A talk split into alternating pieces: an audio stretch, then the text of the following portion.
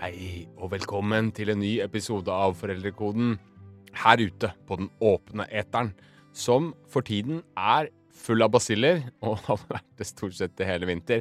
Jeg er frisk, jeg altså. Men Hedvig Montgomery, hvordan er formen din?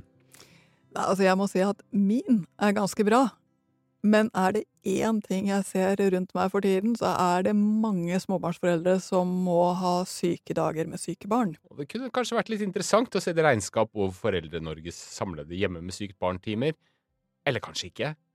Uansett, før var konseptet hjemme med sykt barn på en måte grei skuring, kanskje. Eh, Du er ute av jobb en dag eller tre, ferdig med det, kan ikke regne med han eller hun. Men sånn er det ikke helt lenger, har jeg en følelse av da.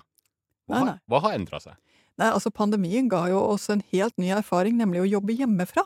Ja. Så plutselig så ble Teams inn i, i stua ble eh, akseptert på en ny måte. Og det ga jo også en ny mulighet. Er barna sjuke, så kan du fortsatt gjøre like mye, eller i hvert fall litt. Mm. Så det å være hjemme med sykt barn har nok endret litt karakter etter pandemien, syns jeg vi ser denne vinteren. Eh, Forventninger til foreldre med syke barn har endret seg litt i mange jobber.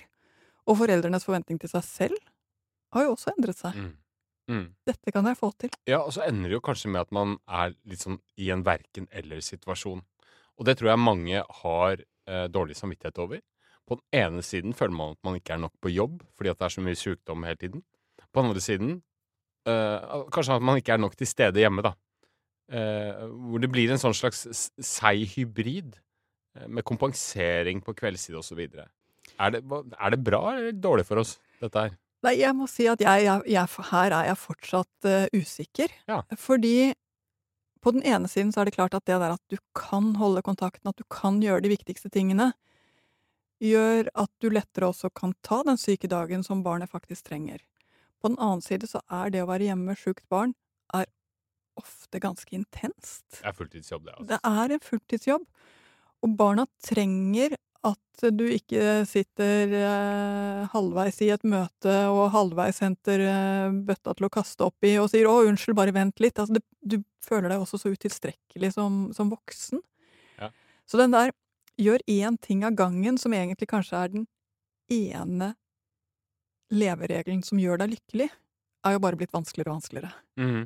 Så det du sier er at hvis barnet er litt pjusk og, og trenger litt ekstra omsorg og sånt noe, og du ikke klarer å gi det hele tiden fordi du er sånn halvveis med i et møte eller halvveis skriver en melding og sånn, så gjør det vondt verre for dem, da, eller?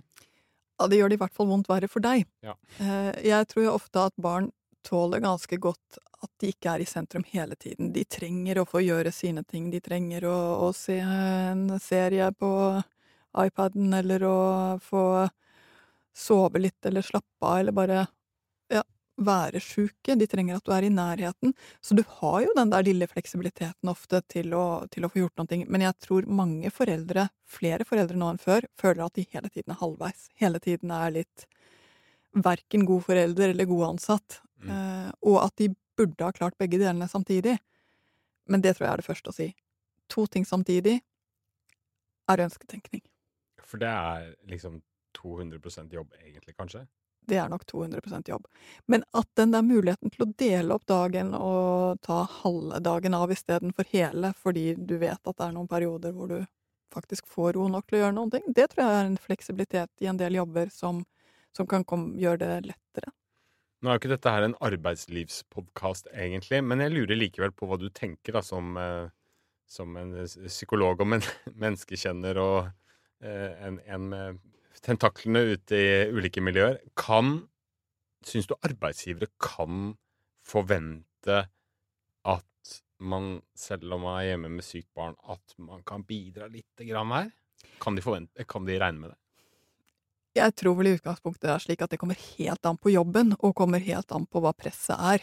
Eh, Men i utgangspunktet så tror jeg at du som arbeidsgiver står deg bedre på å si ok, men da er det sånn det er. Eh, Og så ses vi i morgen. Jeg tror det lager en annen ro både for arbeidsoppgavene som skal gjøres, sånn stort sett. Eh, Og jeg tror også det gjør at den som er ansatt, føler seg mer fornøyd med seg selv. Og det trengs jo. Du trenger jo ansatte som trives. Men altså, jeg vet ikke. Det er alltid det muliges kunst. Vi gjør alltid vårt beste. Jeg tror problemet av dette virkelig oppstår når eh, en forelder føler at det ikke er mulig å være hjemme med sjukt barn og gjøre den jobben der uten at man svikter noen. Mm. Det er slitsomt i årene hvor man har mest hjemme med sjuke barn. Det er faktisk det.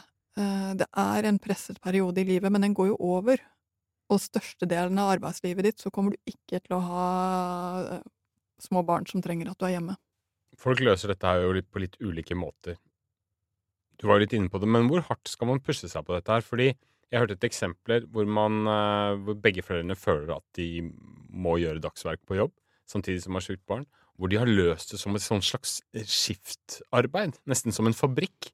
Altså at den ene forelderen jobber 7 til 14, økt ferdig, nå kan jeg ta barneøkta, eh, mens den andre tar 14 til 21. Og sånn går dagen, og kanskje dagene. Er det lurt? Nei, Kom igjen, kommer an på jobben, kommer an på ambisjonene dine, kommer an på hvor sjukt barnet er. Men jeg vet én ting. Den skiftarbeidsordningen der kommer ikke til å fungere mange dager i strekk. Du tror ikke det? Nei.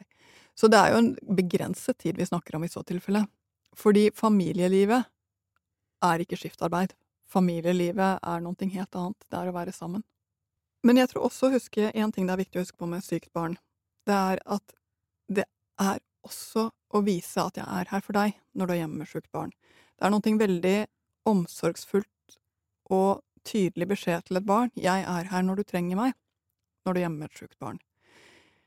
Det er lett å, når man er to foreldre, at, lett, at den ene oftere tar den hjemme med sjukt barn enn den andre, kanskje fordi det passer bedre i forhold til jobb, eller fordi det er den forelderen som føler seg nærmest og liksom mest kvalifisert, hvis jeg skulle si det det, til å være hjemme med sykt barn. Men jeg tror for barnets forhold til begge sine foreldre at det faktisk er lurt å prøve å få til at man deler på det, begge to. Så at man begge to har sine dager hjemme, begge to bruker litt av eh, den ekstra Og det er slitsomt, det koster jo lite grann, men at begge to har den der tiden som er viktig for barnet, nemlig å vise gjennom å være der når barnet er sjukt 'jeg er her for deg'. Jeg tror begge trenger å gjøre det.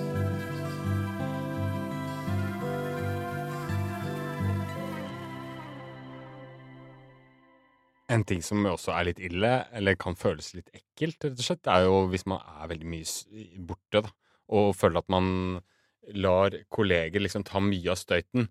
Og det blir jo ikke bedre hvis man eksempel en dag kommer på jobb, og så sier eh, Så må du plutselig stikke av fordi de ringer fra barnehagen igjen, og så sier en eller annen kollega ah, 'Har ikke det barnet noen mor?' eller 'Har ikke det barnet noen far?' eller 'Har ikke det barnet en medforelder?' Eh, Det er ikke så gøy å høre heller. Jeg må si at uh, den der spissheten som kan komme fra folk som kanskje ikke har vært hjemme med sjuke barn på kjempelenge, for folk glemmer så fort. Ja. Du vet at uh, folk har, kommer bare opp i en alder hvor de har barn i tenårene, så har de glemt at de har hatt massevis av dager på denne måten selv. Later som de aldri har hatt det. Nettopp. Uh, eller de har ikke barn og tror at det på et eller annet vis er en form for luksus. Eh, men det er det jo så absolutt ikke. Absolutt ikke. Så jeg tror nok det der å holde tilbake litt de spisse kommentarene når man ikke står i fasen selv, kan eh, vi vinne på alle sammen. Kast arbeidslivet litt vekk nå. Tenk deg at du er hjemme. Eh, barn ligger der, eh, er pjuskt og ligger som en klut. Og du eh, vil tenker at jeg må vel ikke sitte oppå ungen og trøste og være til stede og være nær absolutt hele tiden. Jeg kan vel plassere dem foran TV-en, slik at du kan ta et par timer og gjøre et eller annet fornuftig, da, om det er å sette på en vask eller ja, kanskje bli på et møte, da. Men hvor lenge kan et barn plasseres foran skjermen når det er sjukt? Altså, det må jeg bare si. Kommer helt an på alderen, og kommer helt an på sjukdommen. Og dette er jo noe av det som gjør det så rart, fordi når barn er som sjukest, så orker de jo ingenting, ikke engang å se på Thomas-toget. Og da trengs det jo mye omsorg, mye hud mot hud. Men så kommer denne rare fasen hvor de ikke er så kjempesjuke lenger, men ikke frisk nok til å gå i barnehagen, og kanskje er det den, de dagene der som er de mest frustrerende for de fleste. hvor det trengs at det skjer noen ting, det trengs et slags eh, program. Og da kan man no- noen gang lure på hva er et program? Hvor mye skal jeg underholde? Hvor mye skal de klare selv? Hvor mye skal de kjede seg? Hvor mye skal de se på skjerm? Jeg tror dette løses på veldig, veldig forskjellig vis. Eh, men barn skjønner én ting, og det er jeg helt sikker på, uavhengig av alder. Det er at de skjønner at sjukedager er noe annet enn vanlige dager. Mm. De skjønner at rytmen og hva man kan gjøre eller ikke gjøre, er annerledes, og at det ikke er eh, slik at når jeg har fått lov til å eh, sove lengre, eller se mer på TV, eller spise mer iskrem De skjønner jo at det ikke er sånn i vanlige dagene. Så jeg er lite bekymret for at det skal skli ut og bli et for grenseløst hjem fordi det har vært sjukedager hvor det har vært behov for mer av disse tingene for å få det til å gå opp og til å bli fint. Det viktigste med sjukedagene er egentlig å få det til å bli ro, sånn at barnet kan bli friskt. For egentlig er jo det hele jobben her. Barnet trener immunforsvaret sitt. Hver eneste virusinfeksjon har faktisk en nyttig funksjon for barnet. Gjør det sterkere, gjør det mer i stand til å klare å stå imot sykdom seinere. Og hver eneste periode hvor barnet blir friskt, har sånn sett en viktig funksjon for barnets immunforsvar. Hva med litt sånn eh, Ja, det er ikke, når barna blir litt større, trenger man kanskje ikke være så mye til stede og, hjemme, men når de runder Netflix og ligger og okker seg og ellers bare er på skjerm og sånt, nok, er det noe vits i det hele tatt å prøve å sette noen sånne skjermtidgrenser? og Sånne ting? Skal de, skal de bare få dure og holde på? Et veldig sterkt minne fra min egen barndom. Og da eh, langt tilbake i tid, lenge før skjerm var en eh, størrelse. Men jeg husker at min far kom tidligere hjem fra jobben fordi jeg var syk, Mm. og han hadde med seg Daffy, bladet, Mhm. tegneseriebladet, og druer. Jeg hadde nok kjedet meg ganske mye før han kom, og jeg husker det som så utrolig varmende når han kom hjem med Daffy og druer og et smil. Mm. Om det gjorde opp for at jeg hadde kjedet meg, og sannsynligvis kanskje også gjort ting som, eh, som ikke bare var pedagogisk høyverdige, jeg hadde i hvert fall ikke sittet og gjort skolearbeid, det gjorde det. Jeg tror at når vi har de litt større barna, når de har bikket ti og kan være noen timer alene, hva de nå enn gjør for noen ting, så er allikevel den opplevelsen av omsorg når du har strukket deg, går hjem litt tidligere, han kunne til og med si det, nå droppet jeg et møte, og jeg kjente meg viktigere enn noen gang. Rett og slett fordi han hadde gjort det for meg. Så for de litt større barna så tror jeg kanskje den der du viser så veldig tydelig at du betyr noen ting, og jeg vil at du skal bli frisk, er et veldig tydelig beskjed til barnet som det tar med seg videre. Men du trenger jo ikke å sitte oppå et barn eller detaljkontrollere hva som skjer for noen ting, for å få frem dette. Daffy og druer, altså. Daffy og druer. Det er trikset.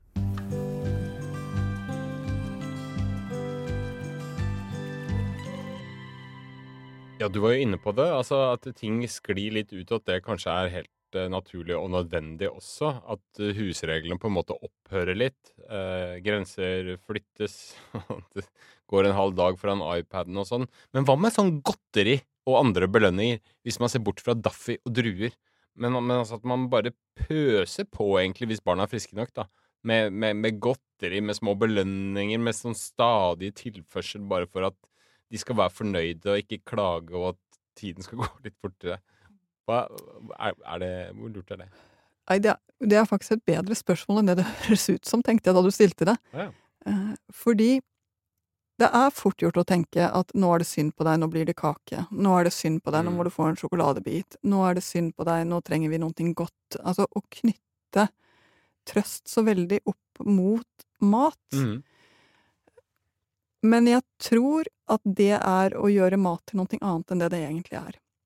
Så det er ikke det. Jeg er helt sikker på at det blir litt mer iskrem eller litt mer øh, kosemat når man er hjemme og i en tilfriskningsfase. Det tror jeg er helt greit.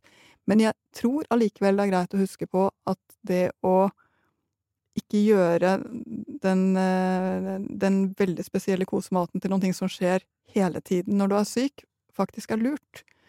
Fordi når du trøster på andre måter, når du bruker andre metoder for å få dagen, dagen til å gå rundt.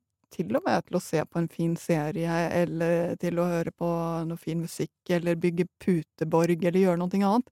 Det er også en del av det. Ikke bare å kjøpe seg ut med noe søtt å putte i munnen. Gir et bedre forhold til mat. Gir et bedre forhold til hva godteri er, og hva livet er. En bekjent sa nylig til meg at han eh, har vært gjennom da mye sånn hjemmesykt barnaktige perioder, og at han nylig kom til å mistenke sin egen lille datter for å fake på seg sykdom for å være hjemme, da, med Ja, i dette tilfellet var det faktisk bestemor og bestefar, da, som da måtte steppe inn. Og da, han hadde egentlig to spørsmål da, til dette her. Og det første er altså, hvor tidlig lærer barna seg dette her? I, I, hans eksempel blir de litt sånn man kan finne på å bli litt manipulerende, da, eller juksete, for at de vet at det kan være litt hyggelig å, å være syk.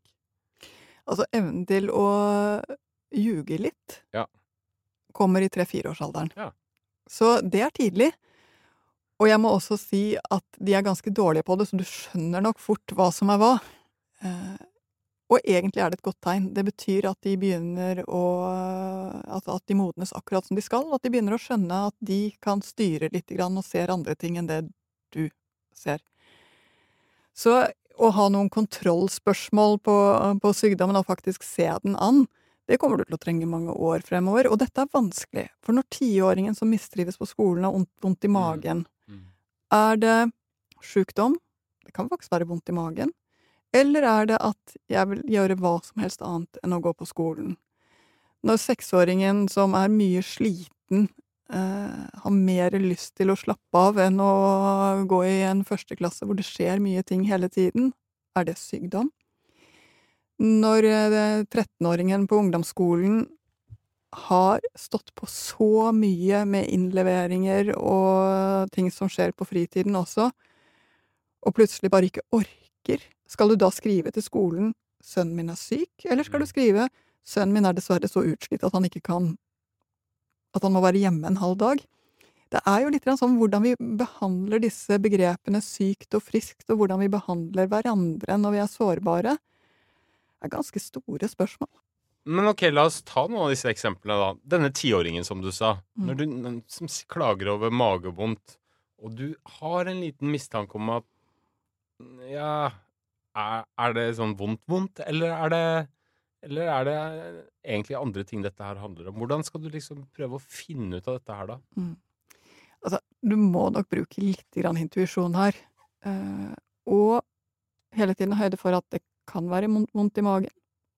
Og så er spørsmålet er det vondt i magen som det går an å gå på skolen med, eller er det vondt i magen som er så ille at det ikke går an å gå på skolen med. Og når det er gjentagende, for det første så må jeg bare si at barn trenger at en voksen sier Vet du hva, dette snakker vi også med legen om. For nå ser jeg at det skjer så mange ganger, altså når du ser at det er gjentagende. Det andre, det er å si men gå og se hvordan det går når du kommer i gang, og hvis det blir så vondt at du må gå hjem, så sier du ifra til læreren. Altså rett og slett åpner for at vi prøver det litt grann ut, og ser. Og så vil det ganske fort komme opp for en dag om dette er noe som eh, rett og slett enten er uttrykk for et større problem, nemlig at det er ikke bra på skolen, eller om det er uttrykk for at det er noe som ikke er bra, nemlig at barnet har vondt i magen. Begge de to posisjonene krever at du gjør noe som forelder. Så du må bare tenke at det kommer du til å finne ut av. Men å blåse av det avfeide, nærmest, det bør man kanskje ikke gjøre? Hvis du sier at det tror jeg ikke på, mm. så kommer den magevondten til å bli ordentlig ille. Så du kommer nok ikke så langt med det barn prøver å si ifra på den måten de kan når de ikke har det bra. Så hvis det da bare er en vondt i magen som går over, så er det klart, da går det fint. Men hvis det er uttrykk for noe annet, så kommer det bare opp enda sterkere. Det andre eksempelet som du nevnte her, da, altså 13-åringen som kanskje bare er så nedsylta og sliten at det bare, bare skriker rett og slett etter en fridag. Mm. Eh, et, et, et, pustehull, og du kanskje til og med skjønner det ganske godt. For du vet hvordan det er å være i en situasjon f.eks. på jobb, da. Mm. Og du lurer på Kanskje det hadde vært det beste i det lange løp. Hva, mm. hva, hva gjør man overfor skolen da, syns du? Og er det greit, i så fall? Ja, det er jo et godt spørsmål, for jeg har jo ett prinsipp med mine egne barn. Jeg sier ikke at de er syke hvis de ikke er det. Mm. For jeg tenker at sykdom skal vi holde til det det er. Eh, samtidig så ser jeg noen ganger at hvis de strekker seg mer enn nå, så kan de bli syke. Altså rett og slett at det er, det er et sted hvor det ikke kommer til å gå noe særlig bra. Jeg, I en ideell verden så kan du da sende en e-post til læreren hvor du skriver Barnet mitt må rett og slett eh, ha noen timer eh, å slappe av etter de siste ukene, som har vært veldig intense. Håper det er greit. Altså du rett og slett spiller med litt åpne kort. Jeg syns den løsningen er bedre både for at du viser til barnet jeg tar deg på alvor og ser hvor du er, at du viser til barnet at sykdom er ikke noe man skal si når det ikke er sant. At det er noe som eh, Ja, som er noe annet. Og at man gir barn i en voldsom vekstfase, som denne 13-14-15-årsalderen er, hvor de blir mye fortere slitne og, og, også mer sårbare. At man gir dem det lille slakket som de da kan trenge. Men det er klart, skjer dette ofte, så vil jo skolen tenke at her er det et eller annet som ikke er i balanse, og det skal du også tenke. Hvordan skal vi håndtere situasjonen sånn at det ikke blir for mye? Er det for mye på fritiden? Er, for, er vi for strenge med innleveringene? Er det noe som må justeres? Så hver gang en sånn situasjon oppstår, så tenker jeg det er litt spørsmålet. Er det noe vi skal gjøre annerledes, sånn at det ikke skjer igjen? Men hvis tilstrekkelig mange holder på sånn Du, sønnen min er bare sliten av å være hjemme et par timer, håper det er greit. Da blir det jo ikke noe særlig greie på noen ting. Nei, men for det første skal du som forelder passe på at du bare gjør det når det virkelig trengs. Og det er ikke hele tiden. Og ikke for alle barn heller. Uh, og for det andre så tror jeg at veldig mange gjør det i dag, bare at de kaller det for sykdom. Mm. Eh, som jo på én måte er sant, men ikke helt. Mm. Så kall en spade for en spade, og en sykdom for en sykdom, og noe annet for noe annet. En eh, kanskje eh, kime til konflikt hjemme hos en del er hvor tidlig barna skal tilbake Eh, i barnehageskole. Noen er kanskje utålmodig, rastløs etter å ha vært hjemme med sykt barn. Mens andre er mer sånn Jeg må få en myk overgang, kanskje vi skal ta en dag ekstra og sånt noe. Og dette kommer selvfølgelig an på allmenntilstanden og alt det der. Jeg vet. Men prinsipielt, går det an å si noe om det? Hvor, hvor, hvor tidlig kan barna bare dunkes tilbake der de hører hjemme i hverdagen? Nei da, men du skjønner hva jeg mener. Jeg skjønner hva du mener. Eh, jeg nevnte jo min far med druer og Daffy i stad. Ja. Ja, da han vokste opp, og nå er vi langt tilbake igjen i tid, Mhm. så hadde hans eh, mor følgende regle. Tre dager kommer sykdommen, tre dager er sykdommen, tre dager går sykdommen. Så han var mye hjemme, og kunne si i voksen alder altfor mye, for det ble jo kjedelig. Ja. Ja. Men hun var raus med tiden hjemme, og ga restitusjon, som hun ville ha kalt det, Ja, god plass. Ja. I våre dager har vi jo sjelden det synet på det. Det er liksom enten er du frisk, eller så er du syk. Mm. Mens disse innimellom-tingene, når barnet er kranglete og er på vei til å bli syk, er jo faktisk en periode. Og det samme med når barnet er i ferd med å bli frisk, men ikke er helt oppe på beina ennå. Det er en periode. Så det er ikke noe rart at vi lurer, og jeg tror virkelig ikke at det finnes noe fasitsvar på det. Jeg tror at det handler litt om hva vi har ressurser og muligheten til. Rett og slett, hva kan vi? Jeg tror det handler om hva slags sykdom det har vært, så klart, og, og hva slags hverdag barnet er i. Men jeg tror av og til at vi har for lite plass til de der gråsonene. De der ikke helt frisk, ikke helt syk. Kanskje litt kortere dag hadde vært noen ting. Altså kanskje det å finne de der overgangene som gjør at barna får lov til å bli helt friske. For det er virkelig lett å se at noen barn går med så mye sykdommer og aldri får tid til å hente seg helt inn igjen.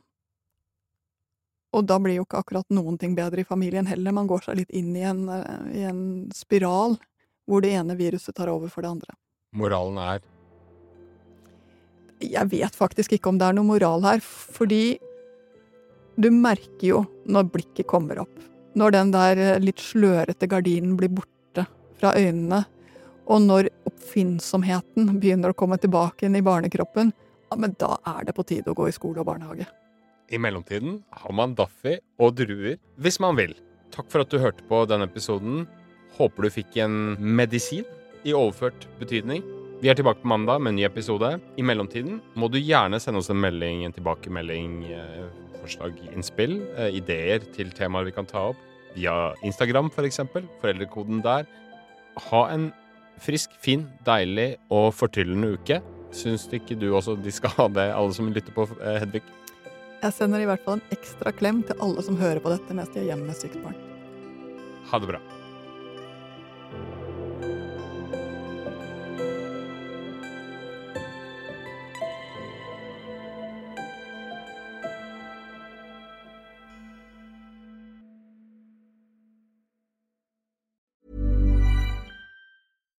The number one selling product of its kind with over 20 years of research and innovation. Botox Cosmetic, out toxin A, is a prescription medicine used to temporarily make moderate to severe frown lines, crow's feet, and forehead lines look better in adults. Effects of Botox Cosmetic may spread hours to weeks after injection, causing serious symptoms. Alert your doctor right away as difficulty swallowing, speaking, breathing, eye problems, or muscle weakness may be a sign of a life threatening condition. Patients with these conditions before injection are at highest risk. Don't receive Botox Cosmetic if you have a skin infection. Side effects may include allergic reactions, injection site pain, headache, eyebrow and eyelid drooping, and eyelid swelling. Allergic reactions can include rash, welts, asthma symptoms, and dizziness. Tell your doctor about medical history, muscle or nerve conditions including ALS or Lou Gehrig's disease, myasthenia gravis, or Lambert Eaton syndrome and medications, including botulinum toxins, as these may increase the risk of serious side effects. For full safety information, visit BotoxCosmetic.com or call 877 351 0300. See for yourself at BotoxCosmetic.com.